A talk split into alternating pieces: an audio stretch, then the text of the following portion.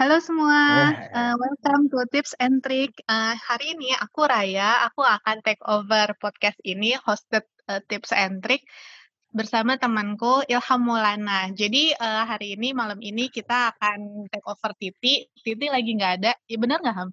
Titi nggak ada, jadi kita ngobrol-ngobrol uh, aja Kak Raya. Hmm. Iya iya, jadi kita take over aja ya. Iya iya iya. Oke. Okay, Temanya apa nih Kak Raya? Kalau saya boleh tahu hari ini. Hari ini uh, kita akan ngebahas tentang giving and accepting feedback Ham. Jadi kayak ini kan udah related hmm. banget sama role kita sehari-hari kan Ham. Oh, iya. On second basis ya, bukan daily basis lagi. Iya betul. Hmm. Lo sering nggak kayak ngalamin uh, kalau ngasih feedback itu menurut lo kayak gimana Ham? Jadi kayak susah apa enggak buat lo secara sehari-hari gitu? Hmm, sebelum saya jawab, mending kita panggil Titi dulu ya. Nah.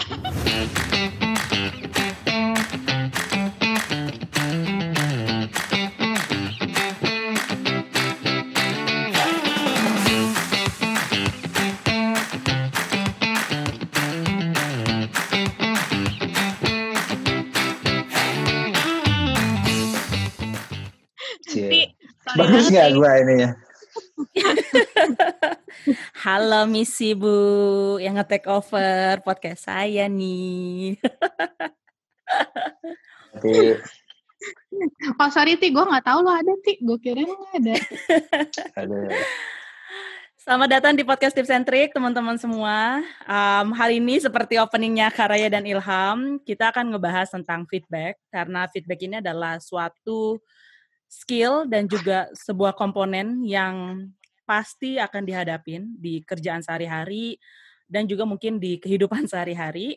Nah, sebelum kita bahas lebih lanjut nih tentang feedback, aku mau kenalin dulu kayak siapa sih nih Karaya dan Ilham kayak dari tadi tiba-tiba nyosor gitu kan. Jadi Welcome Karaya dan Ilham to my podcast. Yeah. Hai. Thank you Titi. Thank you Halo for inviting me. Nah, mungkin kita mulai dari uh, Karaya dulu nih. Uh, Karaya boleh ceritain dong role sehari-hari apa, terus mungkin habis itu Ilham juga bisa share. Dan sebenarnya seberapa relate sih kalian dengan topik memberi feedback ini? Oke, okay, uh, thank you Ti. Uh, jadi sebenarnya kalau sehari-hari aku tuh doing a job as a senior manager di one of consulting company. Namanya kalau kalian sering dengar mungkin karena kalian adalah loyal loyalis dari listenernya tips and trick pasti udah sering banget denger yang namanya kantar. Kantar ya, bukan katar ataupun bukan kantor. Jadi namanya kantar. Kantar tuh jadi kita uh, doing like consultancy, uh, giving business insight to our partnership. Jadi klien kita adalah FMCG karena aku um, bekerja di bidang consulting ini, jadi we work in a team. Makanya topik giving and accepting feedback ini relate banget dengan kehidupan sehari-hari aku uh, doing my my role. Uh, karena ini nih uh, tadi yang aku bilang aku managing uh, and leading team, jadi ada beberapa team member under me. Aku harus uh, bekerja bersama mereka gimana sih supaya supaya kita tuh sama-sama berkembang. Jadi when it comes to feedback itu nggak cuman uh, relate dengan yang dikasih feedback itu untuk grow, tapi juga uh, yang memberi feedback juga bisa tahu gimana sih sebenarnya memberikan feedback yang baik ke subordinate-nya, gitu, Ti. Hmm, I see. Kalau Ilham gimana, Ham? Ya, uh, saya Ilham. Gue kerja sekarang di perusahaan FMCG posisinya sebenarnya more on corporate strategy marketing uh, di salah satu FMCG tadi di Indonesia. Uh, baru setahun sih. Sebelumnya sih kantornya bareng Karaya dan TV. Terus kalau untuk feedback sih ya emang this is something that we get dan we give every day ya. Kalau tadi di opening sih not on daily basis tapi more on a second basis I think. Wah, jadi nggak sabar banget sih untuk kita coba deep dive uh, ke dalam apa sih seluk-beluk memberi feedback ini? Karena tentunya feedback ini kalau tidak disampaikan dengan benar atau tidak diterima dengan benar, impact-nya bisa ke mana-mana gitu ya. Jadi hari ini kita akan bawain alur podcastnya itu tentunya kita akan bahas dulu tentang definisi feedback. Kayak what is feedback, jadi biar kita semua sama pemahamannya. Kemudian mungkin nanti Ilham sama Karaya mau share juga tentang contoh-contoh feedback yang bagus uh, seperti apa dan contoh-contoh feedback yang buruk itu seperti apa. Dan di sini yang menarik adalah di episode ini kita akan coba bermain role play. Jadi biar kita kebayang juga nih kayak uh, contoh feedback yang bagus itu gimana dan um, kita dengar juga kayak komentarnya dari Karaya dan Ilham mengkritisi contoh feedback yang diberikan uh, sama salah satu dari kita gitu. Jadi ada unsur lumayan interaktif dan ini sebenarnya episode pertama yang kita bertiga. Um, jadi dengerin Yeay. terus sampai habis. Tentu penutupnya adalah uh, what's next. Jadi kayak tips and trik apa aja sih yang bisa di-share sama Karya dan Ilham supaya kita semua bisa lebih jago memberi dan juga menerima feedback ini. Oke, okay, jadi ke Karaya dulu nih. Uh, Karaya, menurut lo feedback itu sebenarnya apa sih? Apakah feedback itu selalu konotasinya negatif? Oke, jadi uh, kalau menurut gue ya Tia, uh, feedback definisi dari feedback itu sendiri in general itu adalah um, gue pernah baca di salah satu jurnalnya HBR Harvard Business Review itu mereka uh, stated tentang teori the source of truth. Jadi sering kali ya kita tuh nggak sadar sebenarnya uh, orang-orang diri sendiri tuh nggak sadar tentang apa sih sebenarnya kelemahan kita gitu.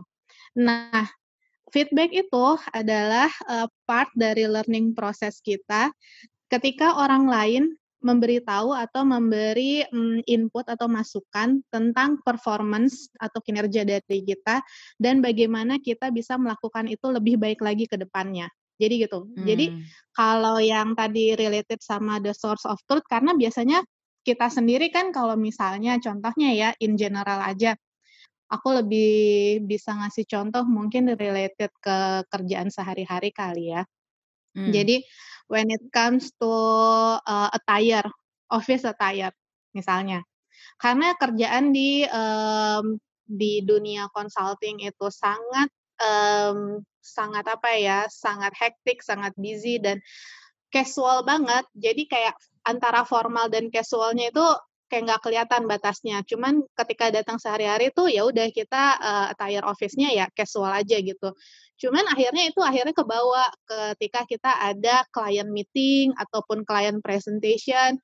Uh, it's really difficult to change the mindset that we need to also um, wearing the formal office attire during client meeting ataupun client presentation karena sehari-hari habitnya kita udah pakai jeans, kita udah pakai kaos gitu. Itu sesimpel itu. Jadi uh, kita nggak sadar tuh oh, oke okay, gue kayak gini aja udah oke okay kok gitu nah hmm. feedback itu akan datang kayak sesimpel kayak uh, boleh nggak kalau misalnya kita ketemu klien supaya kita kelihatan lebih profesional, kamu ganti deh, kamu kayaknya nggak uh, bisa ganti ini ke pakaian yang lebih pantas, misalnya ke simple kayak office attire in a formal situation meeting or a formal situation presentation gitu. Jadi kayak sering kali anak-anak muda ini kan mereka udah terlalu nyaman dengan jati dirinya, dengan uh, casual performance-nya dan mereka kayak oke, okay, I'm fine with it, I look professional in it gitu. Jadi kayak ya udah gue pakai gini aja gitu dan mereka ketika terjun ke dunia kerja itu mereka kayak oh uh, biasanya mereka itu fresh grade fresh grade yang emang sangat milenial dan mereka ada di comfort zone-nya. Jadi uh, untuk ngerubah untuk uh, ngerubah sedikit nge-tweak kayak uh, apa ya namanya kayak performance-nya itu ya itu dengan uh, we are giving feedback ke mereka tapi kayak sesimpel kayaknya uh, besok-besok lebih bagus kalau kita ketemu klien kamu pakai sepatu ya, kamu pakai kemeja ya, kamu lebih rapi lagi ya, kayak gitu sih.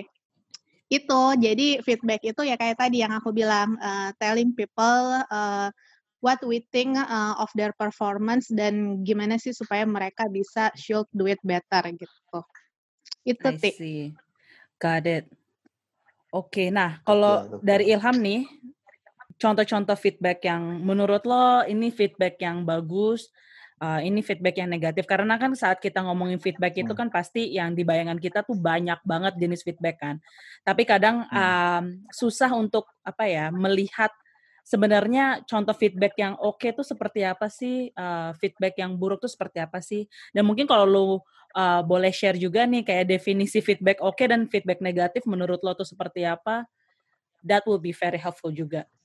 menurut gue sih tadi gue agree tuh definisi feedback sama karya dan tapi yang mau gue tambahin adalah biasanya menurut gue feedback itu tuh conversation jadi intinya dua arah karena menurut gue kalau misalnya itu nggak dua arah then it falls into either its instruction or criticism hmm. Menurut gue ya ya hmm. just my, yeah, my point of view so far nah terus kalau misalnya yang kayak tadi lo nanya ti kayak sebenarnya contoh feedback positif itu apa feedback negatif itu apa menurut gue feedback is feedback Hmm. Uh, how it translates to positive or negative, it depends on us, menurut gue.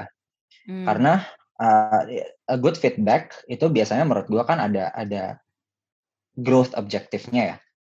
Kalau hmm. misalnya kayak uh, feedback about our uh, ya work related lah, misalnya kayak uh, our work performance and all that itu menurut gue harus di tie up ke business objective company-nya juga gitu.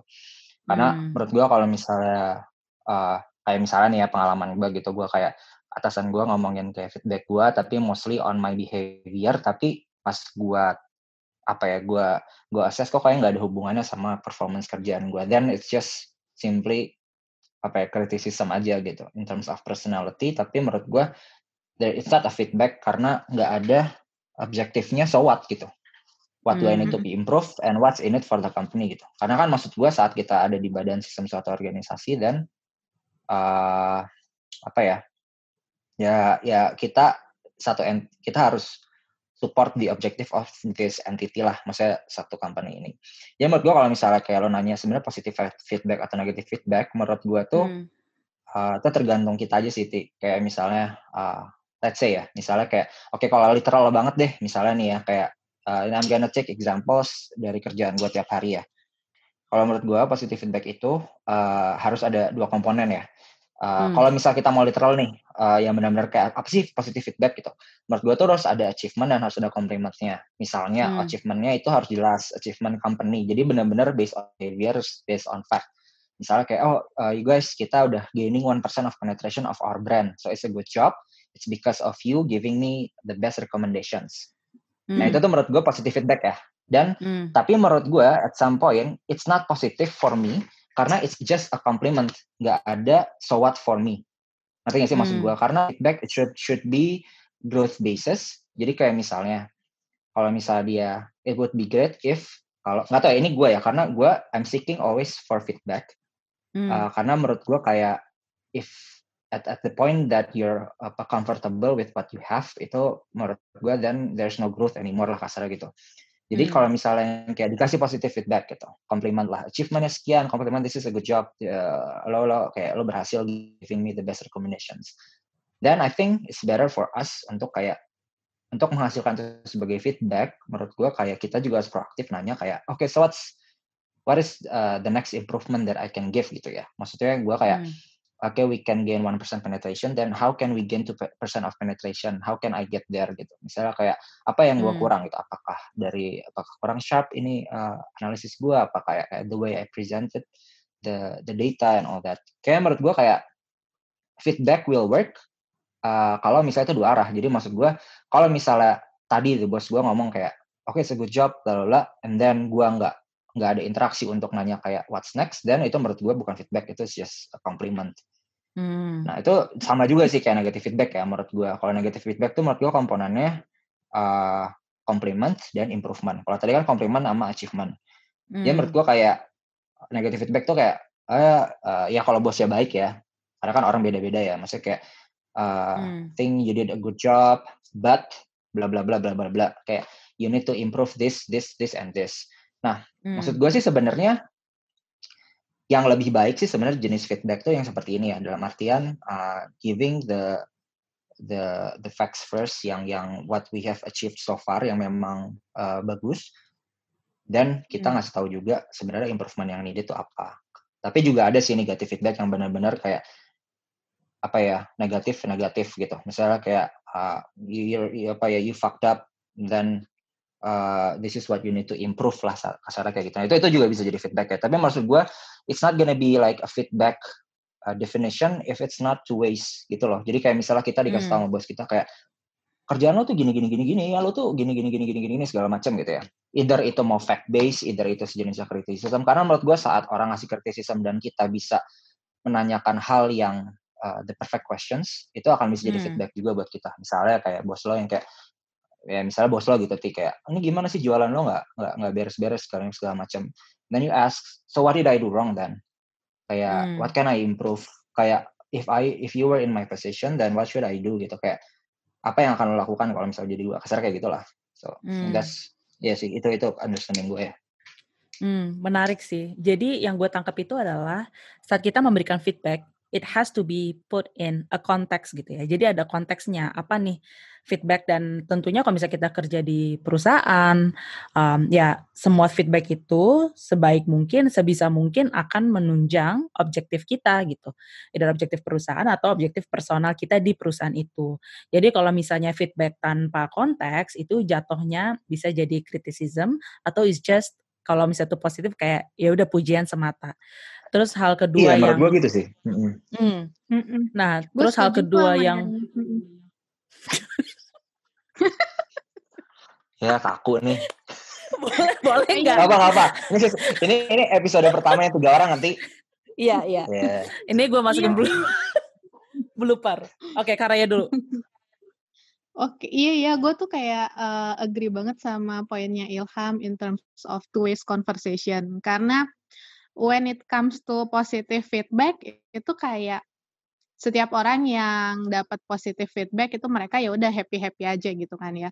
Tapi eh, cuman sepertiga, gue pernah baca kayak cuman sepertiga orang yang eh, bisa menerima feedback dengan baik. Jadi kayak dari misalnya lu punya sampel Hmm. 100 orang, cuman 30 orang yang bisa menerima feedback dengan Hmm, baik. hmm. Baik itu yang positif maupun yang negatif gitu. When it Hmm. comes to negatif itu yang lebih susah lagi sih. Kayak Hmm. yang tadi Ilham bilang kayak itu harus dua arah karena apa? Karena um, when it comes to negatif itu kan kita ngevaluate kan. Konteksnya Hmm. ada, terus improvement areanya apa gitu. Eh, next what's next buat orang Hmm. ini apa.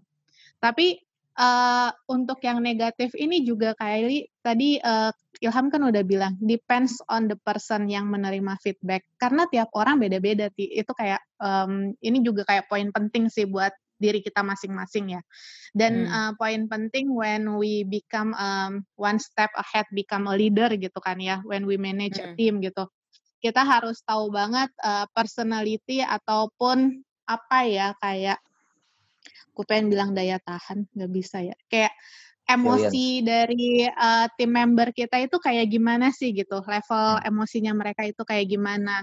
Hmm. um, when it comes to negatif kita harus juga bring yang namanya empathy. Jadi kayak uh, nggak bisa lo ngomong untuk orang ng- sama rata ngasih negatif feedback ke tim member lo. Misalnya si Ani si Ina sama si Ana gitu padahal Hmm, Ani hmm. Ina sama Ana ini secara personality tiga-tiganya itu beda gitu Hmm. Eh, Oke kita ngasih eh, ini em, actionnya apa, terus room of improvementnya apa untuk mereka, tapi it will be different for each person gitu. Jadi makanya nanti sense of eh, sense of emotionnya itu juga harus dirasa, empathy dari kita yang ngasih feedback itu juga harus tahu eh, orang yang dikasih feedback personality-nya kayak gimana gitu sih. Ya, Hmm. itu aja sih dari gua tambahannya. Karena kalau enggak ya negatif feedback yang paling susah menurut gua. Hmm. Oke, It's not oke. Always been easy for negative feedback gitu. Pastinya sih, karena lo pada dasarnya aja lo membawa berita yang kurang enak gitu ya. Um, dan Iya. dan saat kita ngomongin ini ke orang, kayak orang aja tuh banyak jenisnya gitu. So itu juga ada seni di mana kayak lo sebagai seorang leader untuk bisa paham karakter masing-masing tim member lo dan juga uh, memberikan empati sih ya um, salah satunya. Nah kalau kita ngomongin tentang memberi feedback gitu ya uh, atau menerima feedback gitu, menurut kalian apa sih hal yang membuat ini tuh jadi penting banget gitu? Karena kan di dunia yang sekarang bisa dikatakanlah semua orang mungkin lebih overwhelm ya dengan dengan apa namanya kalau kita ngeliat di social media itu kayak misalnya banyak criticism yang lagi happening gitu kan um, Hmm. which is bagus gitu tapi um, kalau misalnya kita bayangin juga kan sebenarnya kalau di dunia yang tidak ada feedback itu juga nggak nggak oke gitu ya Jadi kayak kalau menurut pandangan lo nih, sebenarnya kenapa sih memberi atau menerima feedback atau kayak feedback itu sendiri itu penting? Itu kenapa gitu? Siapa dulu yang mau jawab? Kenapa Ham menurut lo penting Ham? Waduh, gila. On the spot. Ini radio nih. Eh. Uh, kalau gue ya, uh, I don't think, I don't know if I can speak for anybody, but if you ask me personally, buat gue uh, feedback itu adalah benchmark penilaian gue udah sampai mana gitu. Jadi nggak tahu ya, kalau gue hmm. mungkin orangnya uh, seeking for for feedback itu quite frequent ya. Nah, mau mau mau bosnya apa pun, even my current boss juga kayak on a monthly or even weekly basis or even a project basis gue selalu nanya kayak so what can I do to improve my work gitu karena uh, apa ya mungkin personality gue gue nggak suka kalau I, I, I was stuck in just like that phase jadi kayak maksudnya mm. uh, I want to improve lah kasarnya gitu jadi kalau menurut gue sih apa tadi pertanyaan gue lupa hati Kenapa menurut lo feedback Why itu penting? Oh iya, karena menurut gue itu jadi tolak ukur sih. Uh, misalnya hmm. kayak cek uh, poin lo di mana gitu ya. Ukur, yes, menurut gue itu fuel gue sih untuk untuk untuk maju, hmm. untuk untuk making decision kayak uh, anything ya. Misalnya kayak making decision either kayak lo merasa lo pantas untuk uh, pegang more projects, uh, hmm. pindah divisi, promoted, pindah company, anything hmm. menurut gue itu itu itu something that you need to seek ya menurut gue. Hmm, menarik. Ya. Benar sih nih, tolak uh, Ibu Raya.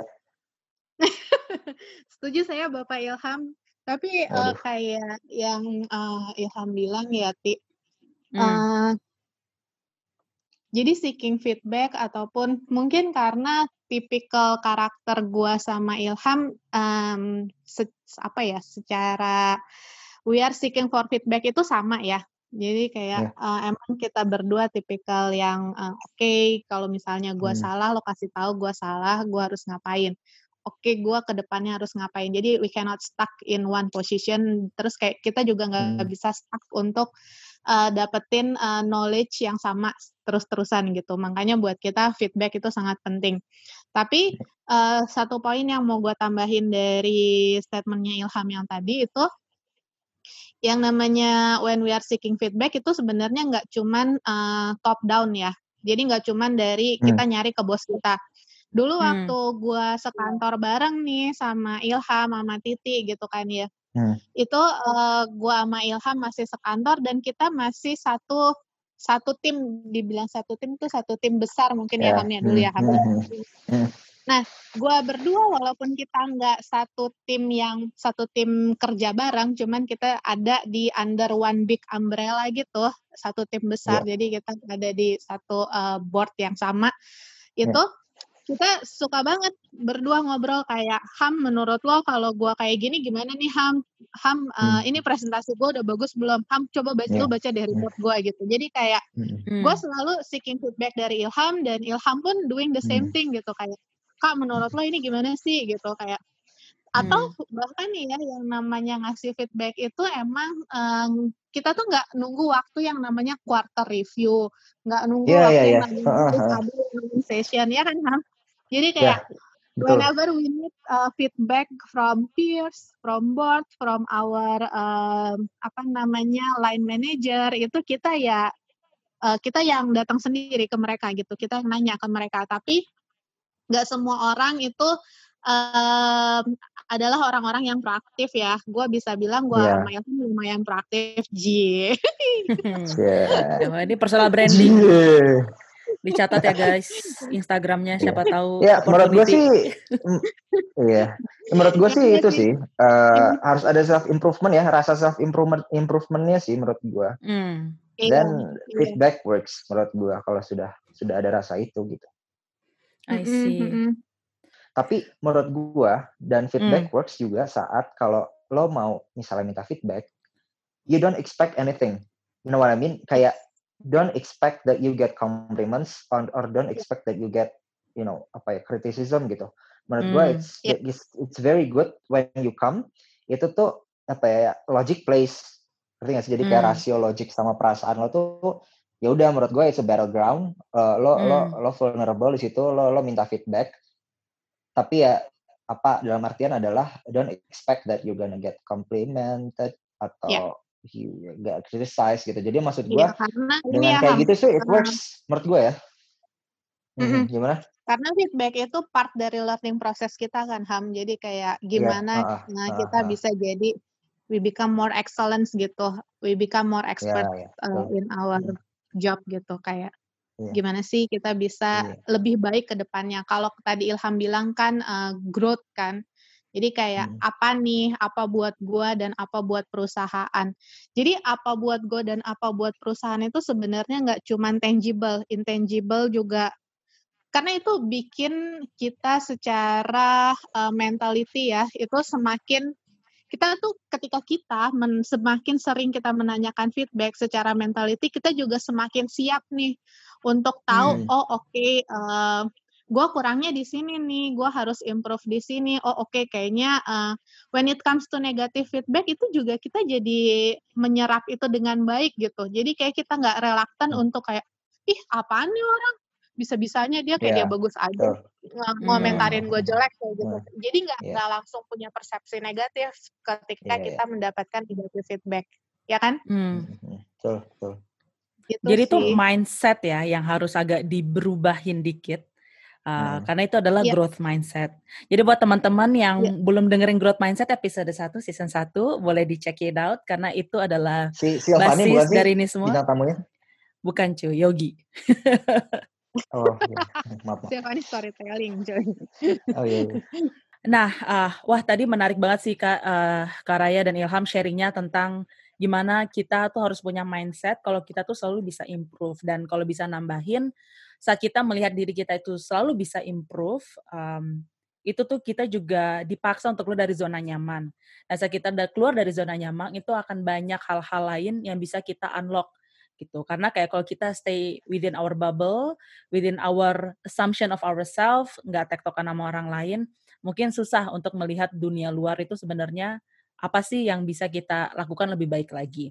Nah, kalau misalnya hmm. kita balik ke hal di mana menerima feedback ya, terutama kan buat teman-teman yang baru lulus nih, yang baru masuk kerja, um, atau mungkin yang baru satu dua tahun uh, di kantor, kadang mencari feedback itu uh, males Kenapa? Karena takut baper. Uh, biasanya kan sekarang gitu ya, hmm. kayak semua tuh dibaperin, yeah. uh, which is valid ya. Maksudnya kayak ini bukan menginvalidate any emotion. Kalau emang baper ya udah so be it gitu. Cuman uh, pasti kan ada batas-batas di mana um, ketakutan untuk um, apa ya diberi feedback karena kan pasti ada some kind of feeling kayak lo itu not good enough lah atau misalnya lo di some, somehow kayak di reject lah. Um, jadi perasaan-perasaan kayak gitu yang kadang bisa menghambat kita untuk bisa proaktif. Nah, kalau dari mungkin uh, Ilham dulu nih, um, apa sih biasanya kayak what do you do untuk coping with with that feeling untuk hmm. untuk bisa kayak mengconquer that fear gitu, untuk bisa lo tanya ke bos lo atau ke teman lo tentang tentang feedback. Uh, apa ya? Kalau menurut gue sih gue minta feedback nggak takut ya tapi gue takut mendengar jawabannya itu gue ya tapi hmm. menurut gue it's it's normal itu hmm. gue lah ya jadi jadi misalnya gini kayak gue minta feedback ke lo gitu ti gue minta hmm. feedback hmm. dong gini gini gini segala macam then you give feedback menurut gue it's a very gak tau ya ini gue kayak kalau saat misalnya in a split second waktu lo denger feedbacknya dan itu nggak sesuai sama lo lo akan kayak wah anjir harusnya gue kayak gini nih hmm. ah, anjir gue emang bego banget lah misalnya kayak gitu ya Nah, hmm. tapi menurut gue itu tuh apa ya ibaratnya gue I try to suppress uh, those thoughts first waktu kalau discuss. Hmm. Tapi lama-lama gue mikir sih karena emang kalau gue sih first response-nya kalau misalnya negatif feedback gitu ya. Hmm. Gue nggak gua nggak gua nggak bilang kalau misalnya gue oke okay untuk mendengar negatif feedback ya karena menurut gue kayak ya kita manusia lah ya ada feedback hmm. yang kayak kalau negatif Betul. lo juga disappointed dulu and then you get back up gitu kan.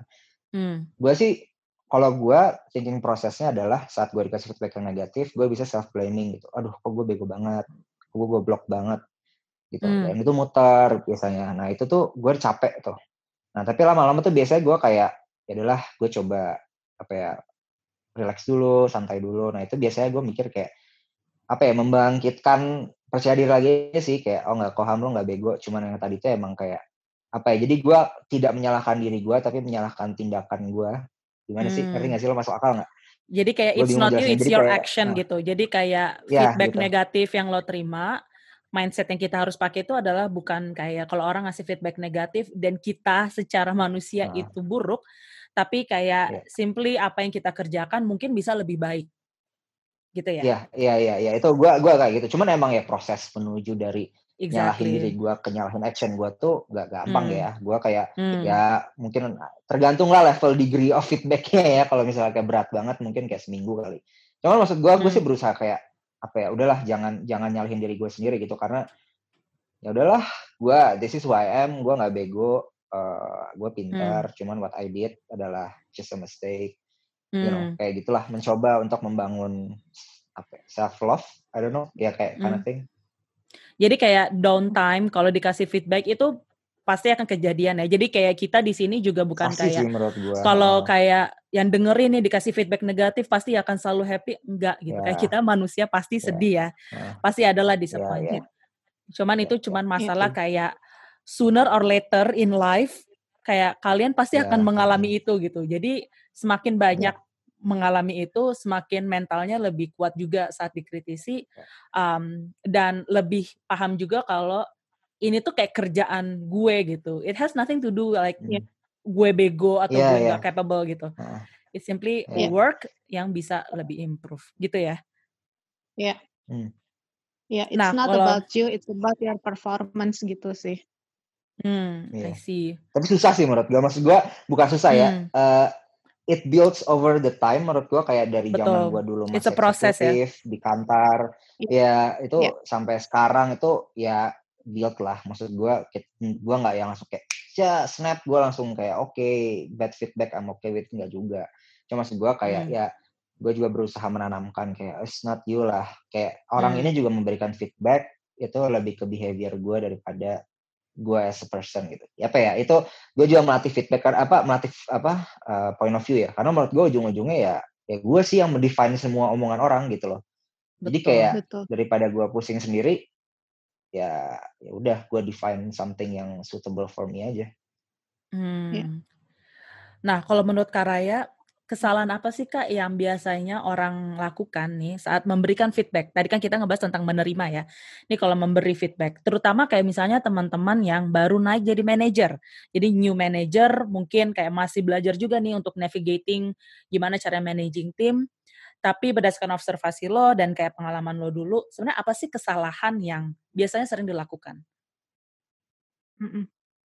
Oke, uh, boleh nggak sebelum jawab ini gue nimpalin yang tadi? Boleh, boleh, boleh. Boleh dong.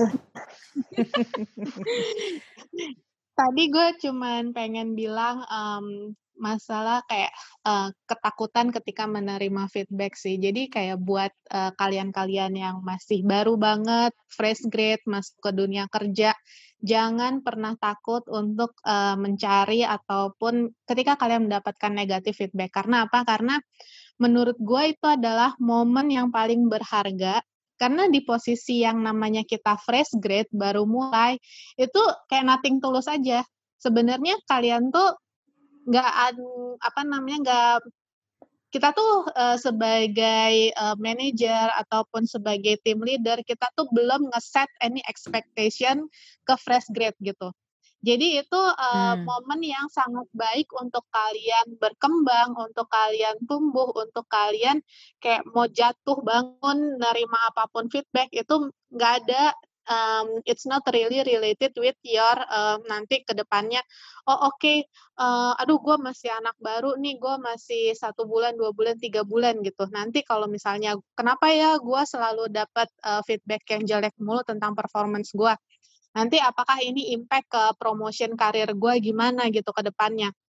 Enggak justru itu adalah learning proses kalian yang paling uh, the right time to get feedback itu adalah as early as possible sih menurut gue karena hmm. pertama itu yang tadi membangun mentality, yang kedua itu learning prosesnya jadi lebih cepat.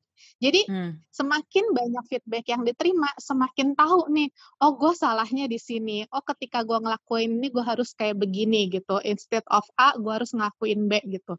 Jadi nggak uh, perlu takut untuk ngedapetin uh, negatif feedback dan nggak perlu takut untuk yang tadi tuh yang gue bilang kayak fresh grade fresh grade itu justru the right moment buat kalian untuk ngedapetin feedback itu adalah di bener-bener di posisi awal kerja karir kalian gitu hmm. itu sih Oke, yang tadi untuk ngejawab uh, pertanyaan Titi, apa sih uh, kesalahan orang ya? Eh, apa sih pertanyaannya yeah. lupa kayak Kesalahan apa yang, yang biasa dilakukan oh, iya. saat memberi feedback ketika, untuk new manager?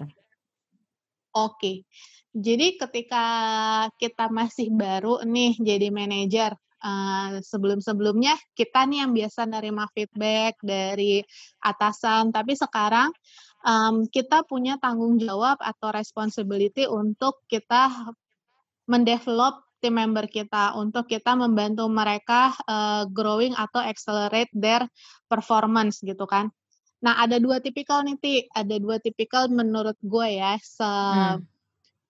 sepengamatan gue atau observasi gue itu ada dua tipikal new manager. Yang pertama hmm. adalah new manager yang emang dia udah sangat capable, tapi secara uh, people management, secara technical dia capable, tapi secara people management dia belum belum apa ya belum fulfill the capability untuk sensing uh, gimana sih untuk ngehandle orang-orang gitu. Tapi secara hmm. technical skill sama competence wah dia udah excellent lah gitu. Hmm. Cuman when it comes untuk uh, nge-managing tim itu dia masih belum. Yang kedua itu adalah uh, typical new manager yang emang dia jadi dia pakai asas kekeluargaan. Itu gua dulu tuh. Jadi kayak hmm. uh, tipikal yang pertama yang tadi dia udah excellent dalam skill sama technical, tapi dia uh, secara managing tim atau art untuk managing people-nya dia belum belum apa belum kompeten bukan belum kompeten ya belum sepenuhnya kompeten itu tuh biasanya ketika ngasih feedback dia tuh kayak eh uh, actionnya ada, impactnya ada, tapi recommendationnya itu kayak langsung jump into recommendation biasanya. Jadi konteksnya tuh lewat gitu. Kan tadi Ilham hmm. udah bilang kan, ketika when it comes to positive harus ada um, compliment, harus ada konteksnya apa gitu. Nah, konteksnya itu biasanya hilang nih. Jadi kayak, eh tadi kerjaan lo bagus deh. Lo harus uh, ulang lagi ya, tetap ngerjain kayak gitu minggu depan atau seterusnya gitu.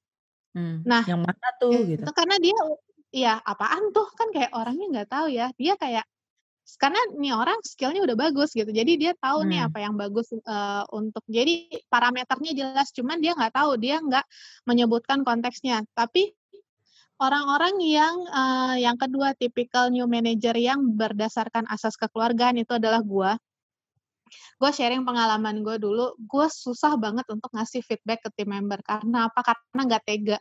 Sama. Karena nggak tega jadi kayak aduh gimana ya kalau kerjaan gak enakan begini, banget sih misalnya iya kan ti jadi kayak aduh kalau gue ngasih tahu dia kayak gini nanti dia gimana ya aduh gue udah relationshipnya udah deket banget nih sama orang ini terus kalau gue ngasih feedback tentang presentasi dia yang tadi dan presentasinya sebenarnya masih bisa diimprove di beberapa hal. Gue nggak enak nih ke depannya gimana gitu. Jadi kayak nggak enakan gitu. Cuman dari situ gue belajar. Dari situ gue belajar kalau misalnya gue nggak enakan terus-terusan dan gue pakai nih yang namanya si asas kekeluargaan pertama kalau gue ngasih negatif feedback dan nggak pernah gue kasih negatif feedback ini ya sama aja bohong. Gue nggak mendevelop mereka. Buat apa gue di situ ya kan Hmm. Buat apa kalau misalnya gue cuman uh, jadi being a team leader tapi gue nggak bisa mendevelop uh, skill setnya mereka yang soft skill maupun hard skill.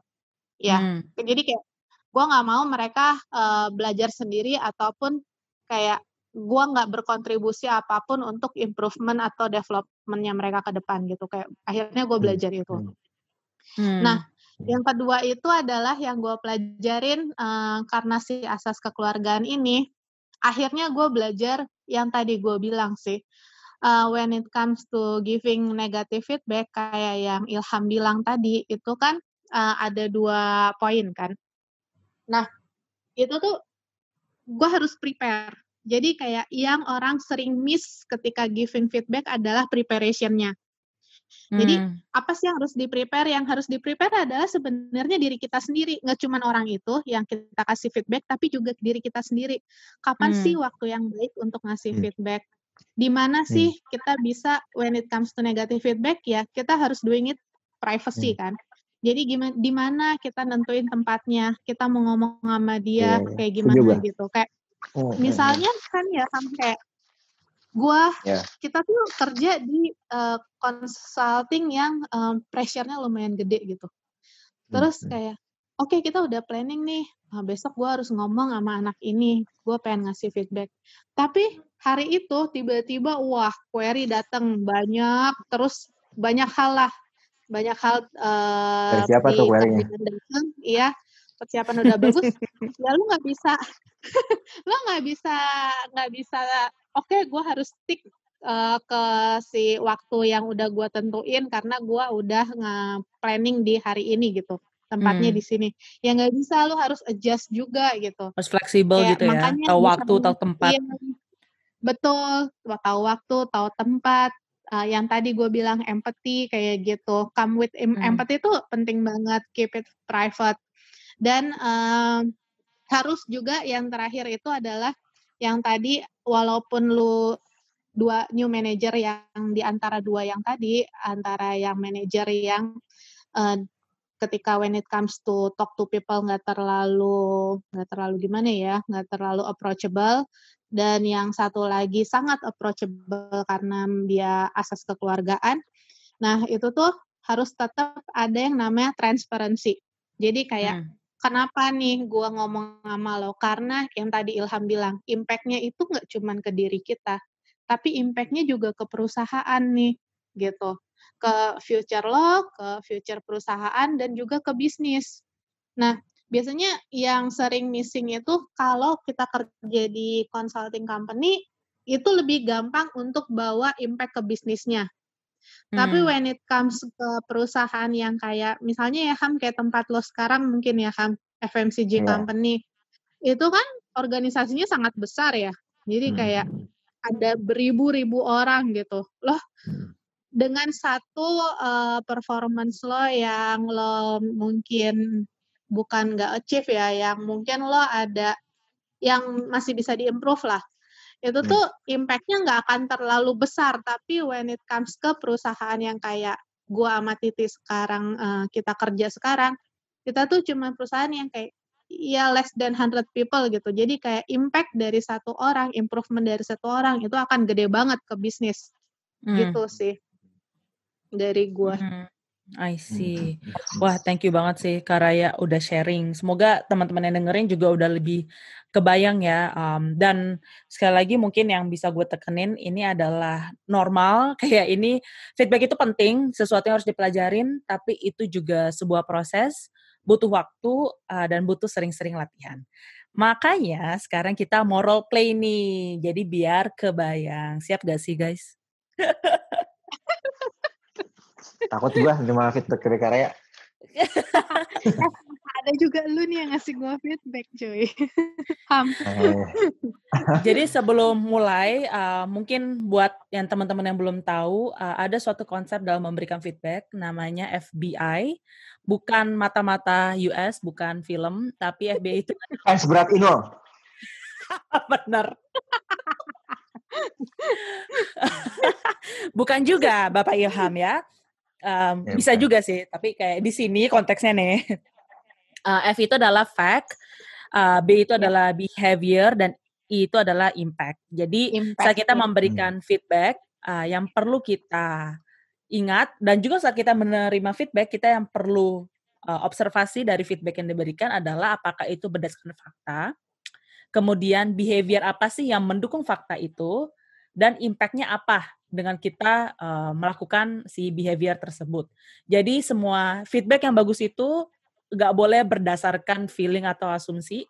Kayak misalkan, aduh kayaknya Ilham hari ini betein banget sih gitu. Kayak, oke okay, bete itu banyak alasan gitu. Kayak apa nih misalnya behaviornya kayak oh dia datang misalnya loncat loncat-loncat gitu kan kayak heboh satu kantor gitu um, terus impactnya misalnya jadi berisik. Jadi kayak feedback yang bagus itu harus elaborate dan harus jelas sejelas-jelas mungkin dan juga dalam konteks untuk membantu dan konstruktif kepada yang menerima. Jadi role play-nya uh, kita akan uh, coba dua role play. Jadi yang pertama itu adalah kita akan uh, kasih contoh feedback negatif dan juga kasih contoh feedback positif dan salah satu dari kalian akan coba mengkritisi mana nih yang lebih uh, mana yang bisa diimprove dalam menyampaikannya dan juga mana yang bisa diimprove dalam menerimanya. Oke, jadi um, mungkin ya di sini uh, Karaya memberikan negatif feedback ke Ilham. Terus Karaya ngasihnya salah, jadi kayak negatif feedbacknya nggak jelas gitu ya kak. Um, mm -hmm. Terus Ilham nerimanya juga lebay gitu, misalnya nggak nggak mature atau misalnya nggak yang nggak pokoknya nggak oke okay juga gitu. Um, nanti gue bisa apa namanya? Uh, ntar kita sama-sama kritisi uh, sebenarnya apa nih yang bisa lebih baik gitu ya. Yang pertama. Oke. Okay. Nah, jadi role play-nya ini uh, ceritanya adalah Ilham adalah anak baru di suatu perusahaan snack.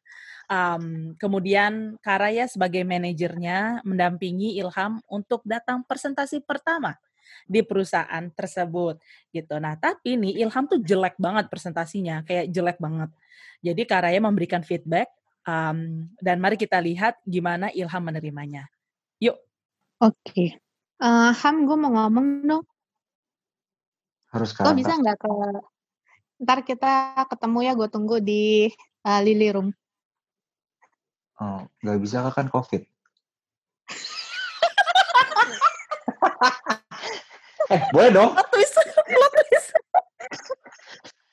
Jadi kak, ya deh, ya, ya, ya, ya, ya, ya. Sorry, gue masih ketawa. Iya, iya, iya. Ya. Oke. Ya, Ham. Jangan lupa pakai masker, Ham. Ntar kita jaga jarak kok, Ham. Iya, udah, Pak. Saya udah pakai masker. Ham, sekarang cepetan. Lama banget. Waduh, waduh, waduh. Ya, ini saya di belakang kakak kok. Oh, ya udah, yuk. Oke. Nah, Ham, duduk, Ham. Gue mau ngomong bentar. Iya, Kak. Menurut lo tadi uh, presentasi lo ke perusahaan snack IC gimana menurut lo? Uh, gue pengen dengar pengalaman lo dulu deh. Um, ya, gimana? Kayak bagus banget itu, Kak. Apa yang menurut lo bagus? Gue pengen denger deh. Uh, kayak gue bisa ngomong aja di depan tadi. Oh, oke. Okay gue tahu Ham lo tuh sebenarnya orang yang suka seeking for attention ya lo tuh suka banget ngomong sama orang gitu tapi hmm. masalahnya presentasi tuh bukan cuma sekedar ngomong di depan orang Ham lo tahu kan poinnya Ham poinnya apa kak poinnya kalau masalah presentasi itu we need to deliver something to client we need to deliver insight impactful insight nggak cuma sekedar ngomong Ham kalau lu ngomong doang ngecap-ngecap, mendingan lu kerja jadi MC bukan jadi consulting company. Tapi kan saya ngasih tahu ngecapnya insight yang dari kakak tulis di slide kak. lo belajar nggak semalam? Lo udah baca-baca lagi? Lo udah latihan belum? Udah kak. Sebelum sebelum presentasi tadi. Udah kak, saya nggak tidur kak. Lu nggak tidur, latihan apaan? Latihan ngomong kak biar nggak gagu di depan orang-orang kak. apa sih? Biar nggak. iya benar sih, benar benar. Starter. Oke ya. oke. Nah coba kita observasi dari um, contoh singkat yang sangat uh. eh, bener kan gue kan ya? tadi actingnya gue actingnya gue nggak nggak nerima feedback lah ya kasarnya kan ya gitu ya. Iya benar. Ah, oke oke oke oke. Nah, oke. Okay. Jadi kalau yang dari observasi nih, um, yang terakhir nih, sebenarnya cara, kalau menurut gue ya, penyampaiannya itu hmm. uh, bisa lebih baik lagi karena satu bisa nggak ngegas manajernya, um, hmm. yang kedua mungkin bisa lebih uh, sebenarnya tuh tadi udah bagus tuh, kayak nanya kayak menurut lo gimana gitu, tapi mungkin bisa lebih elaborate uh, dari sisi dia kenapa itu jelek jadi nggak langsung um, mendingan jadi MC aja gitu ini mungkin ter terdengarnya lebay sih, tapi kayak believe it or not banyak banget orang terutama di Indonesia yang memberikan feedback seperti ini ya. Jadi makanya ini penting yeah, buat kita hmm. kayak gini. nah, kalau menurut Karaya gimana? Iya, jadi uh, sebenarnya ini yang tadi kayak Titi bilang itu tuh udah sering banget terjadi terutama di dunia kerja ya Ham ya. Ya. Uh, kalau misalnya when it comes to negative feedback dan ketika kita udah emosi sendiri gitu atas sebagai atasan ataupun sebagai team leader dan terutama uh, tadi kan contoh role play-nya adalah uh, presentasi kan. Presentasi itu adalah kalau misalnya di uh, dunia kerjanya kita itu ada kayak ujung tombaknya achievement dari apa yang kita deliver gitu. Kayak itu tuh yang paling penting, top priority gitu. Nah, itu tuh kayak kalau kita udah emosi dan marah, tuh kita nggak ngasih lagi yang tadi um, Titi bilang FBI, hmm. uh, fact-nya apa, behavior-nya apa, terus impact-nya apa gitu. Jadi impact dan recommendation-nya udah hilang gitu aja. Fact-nya pun kayak ya hmm. ya udah setengah-setengah. Behavior-nya pun tadi kan kayak gue nggak ngasih behavior yang jelas ilhamnya kenapa gitu. Udah mana ilhamnya kayak pede banget lagi gitu kan. Hmm, hmm. itu juga banyak loh guys kan yang dengerin orang-orang terlalu pede. Ya kan, tapi terlalu pede tapi ya, ya, ya, ya. Kan, Berdasarkan uh, our hmm. experience kan Ham kalau misalnya uh, ya banyak banget fresh grad yang emang uh, mereka itu overconfidence gitu. Terutama yeah. um, yang baru join dan mereka ngerasa oke okay kok gue oke okay banget, gue bagus banget, gue hmm. bisa diterima di perusahaan mana pun, ya kan Ham? Jadi yeah. kayak susah banget untuk tadi kita terus uh, ngomongin tentang giving feedback, tapi uh, part of this topic di tips and trick ini kan juga accepting feedback kan. Jadi kayak sebagai uh, part of our self uh, improvement, learning itu kita juga harus bisa menerima feedback. Jadi kita harus bisa kayak yang namanya menerima feedback itu namanya kita um, mendengarkan secara aktif. Jadi listening actively. Jadi kayak didengerin, terus dianalisa, terus dipikirin juga. Karena hmm. tadi yang kayak Ilham bilang kan itu it has to be a two-way conversation. Hmm. Yeah. Kalau Ilham sendiri, menurut lo um, apa hmm. yang hmm. orang tadi nih yang lo actingin uh, bisa lebih hmm. baik dalam menerima banget feedback. Itu, kan? uh, ya overly confident sih menurut gua. Tapi menurut gua confident bagus. Tapi hmm. emang kayak kalau lagi feedback apa session gitu mungkin lebih open ya. Karena hmm. kan berarti terlalu complacent aja gua kayak ngerasa kayak ah oh, gue udah oke okay lah gitu. Dalam hmm. artian in a way juga berarti gue tidak menerima feedback kan. Gue nggak harus marah-marah gitu loh ke Karya. Hmm. Kayak oh, kenapa gue udah bener kok tapi dengan misalnya dia batu kayak enggak kok gue tadi gini gini gini hmm, berarti dia merasa gitu ya? ya ya exactly overly confident aja ya itu jelek lah menurut gue jadi harus diatur aja rasionya hmm. Terus gue kayak ya lo confident tapi juga harus kayak saat feedback session juga harus mendengarkan kan karena no way Karaya di situ posisinya lebih berpengalaman hmm. lebih punya masukan untuk karir lo gitu kayak growth karirnya gimana Betul. Dan most of the time feedback-feedback yang kita kesel itu sebenarnya benar. Dan sebenarnya kita kesel karena dia benar. hmm. Tapi yeah. kalau gue ya, kalau gue personally, uh, hmm. gue paling gak suka feedback kalau itu dari orang yang lo gak pernah ketemu, tapi hmm. dia sekali ngasih feedback, itu kayak judging you, uh, yeah. kayak dia divine sih gitu. Itu hmm. itu menurut gue bukan gak suka ya, tapi menurut gue yang paling gue bawa tidur lah kasarnya, kepikiran terus itu adalah yang jadi orang-orang kayak gitu. Justru bukan dari hmm. atasan lo atau misal dari kolik lo yang ketemu tiap hari karena in a way uh, lo tahu deep down kalau mereka juga tahu lah apa yang lo lakukan on daily basis gitu. Jadi hmm. ada ada empatinya gitu. Tapi kalau misalnya yang kayak let's say like for me kan ini is a very big company gitu.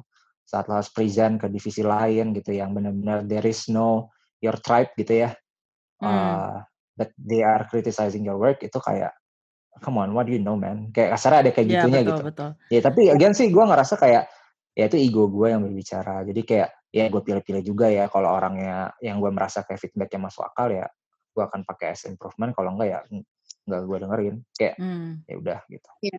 benar. Jadi kayak yang oke okay, mungkin kayak dari yang beri feedback itu sebelum memberi feedback ya hmm. tadi Karya bilang sih persiapan juga. Dan coba dipilah-pilah kayak nggak semua tuh harus dikomenin.